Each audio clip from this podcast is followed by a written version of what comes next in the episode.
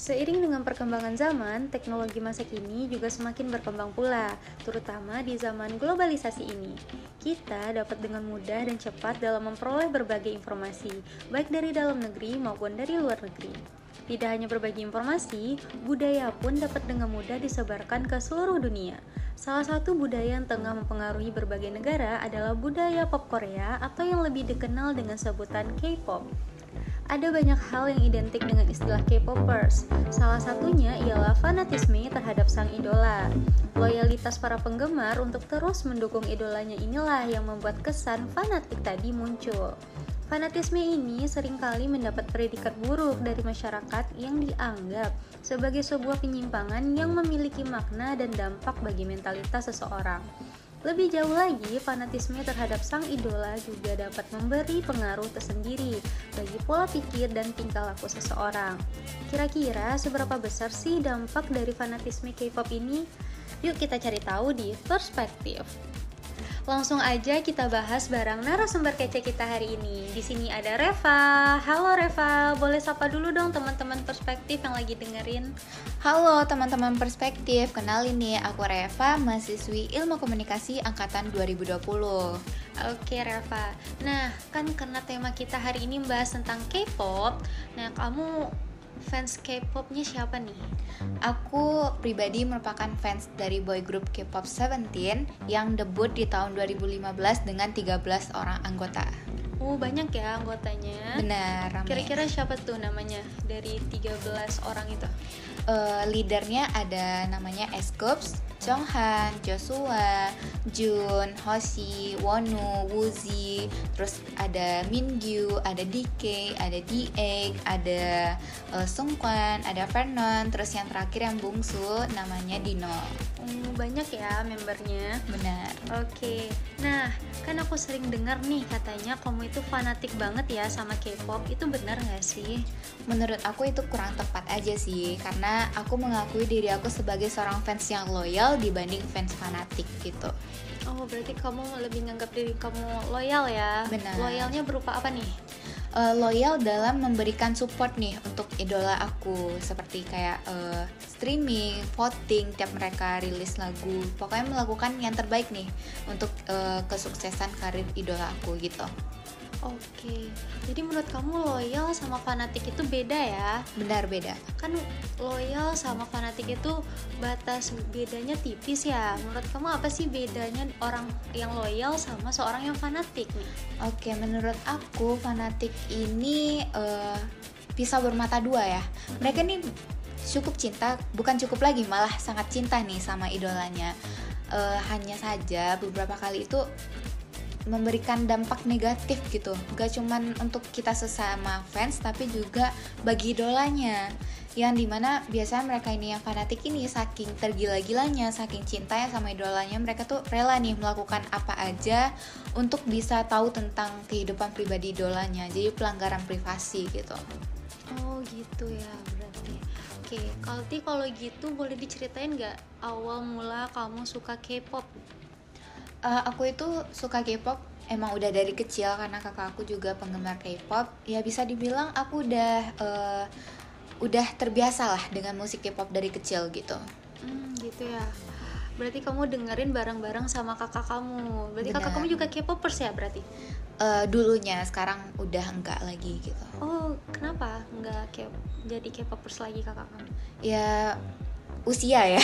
Oh, iya. usia ya udah bukan masanya lagi gitu ya. Kalau K-pop ini cocoknya buat kita menghabiskan masa remaja gitu sih. Anak-anak muda ya. Benar Nah dari K-pop tadi apa sih dampak yang kamu rasain jadi seorang fans idol K-pop? Uh, sebenarnya dampaknya juga ada positif negatifnya ya karena uh, yaitu tadi pandangan orang tentang fans K-pop itu cukup uh, itu ya pro dan kontra banget pandangannya gitu perspektifnya. Uh, ada yang menganggap kita ini wah dia itu fans uh, fans kayak gini loh loyal banget jadi orang ya otomatis dalam kehidupan uh, sosialnya dia juga akan setia nih sama orang-orang yang dia sayang gitu loyal gitu nah di sisi lain juga kita tahu gak sedikit juga orang yang memang kontra banget dengan yang namanya K-pop. Alhasil ketika melihat kita uh, sebagai fans K-pop itu mereka berpikir wah sayang banget nih kamu malah jadi fans uh, ginian gitu. Padahal banyak loh hal-hal lain yang lebih bermanfaat banyak yang kayak gitu juga benar-benar gitu. karena stigma-stigma yang muncul dari masyarakat itu biasanya datang dari fans-fans yang fanatik ini ya. Benar. Karena mereka memberikan dampak-dampak buruk tuh. Benar. Sehingga stigma-stigma buruk tersebutlah yang muncul di masyarakat Nah, belum lama ini warganet Twitter digemparkan persoalan antara warganet bernama Safa dengan penggemar boy group K-pop NCT Dream. Kira-kira kamu tahu nggak sih mengenai kasus ini? Kebetulan aku tahu banget ya soal kasusnya karena memang viral banget nih di mana-mana. Benar viralnya baru beberapa minggu ini ya? Benar-benar oke buat teman-teman perspektif yang gak tahu mengenai kasus ini mungkin aku sedikit bisa ceritain mengenai kasusnya. Kasus ini itu berasal dari salah satu penggemar NCT Dream bernama Safa. Ia dinilai telah menghina dua anggota NCT Dream melalui akun Twitternya dan penggemar lain yang melihat pun merasa tidak terima nih atas hinaan tersebut hingga akhirnya Safa dibuatkan suatu forum di Space salah satu fitur terbaru di Twitter dengan judul Safa Space Nah, di dalam forum ini juga terdapat beberapa penggemar lain yang ingin mengusut permasalahan ini.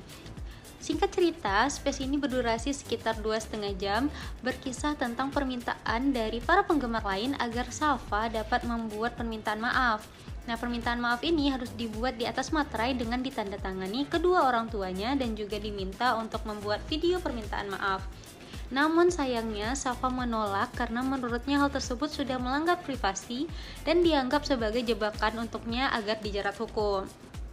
Nah, tapi bukan sampai situ aja nih, teman-teman perspektif.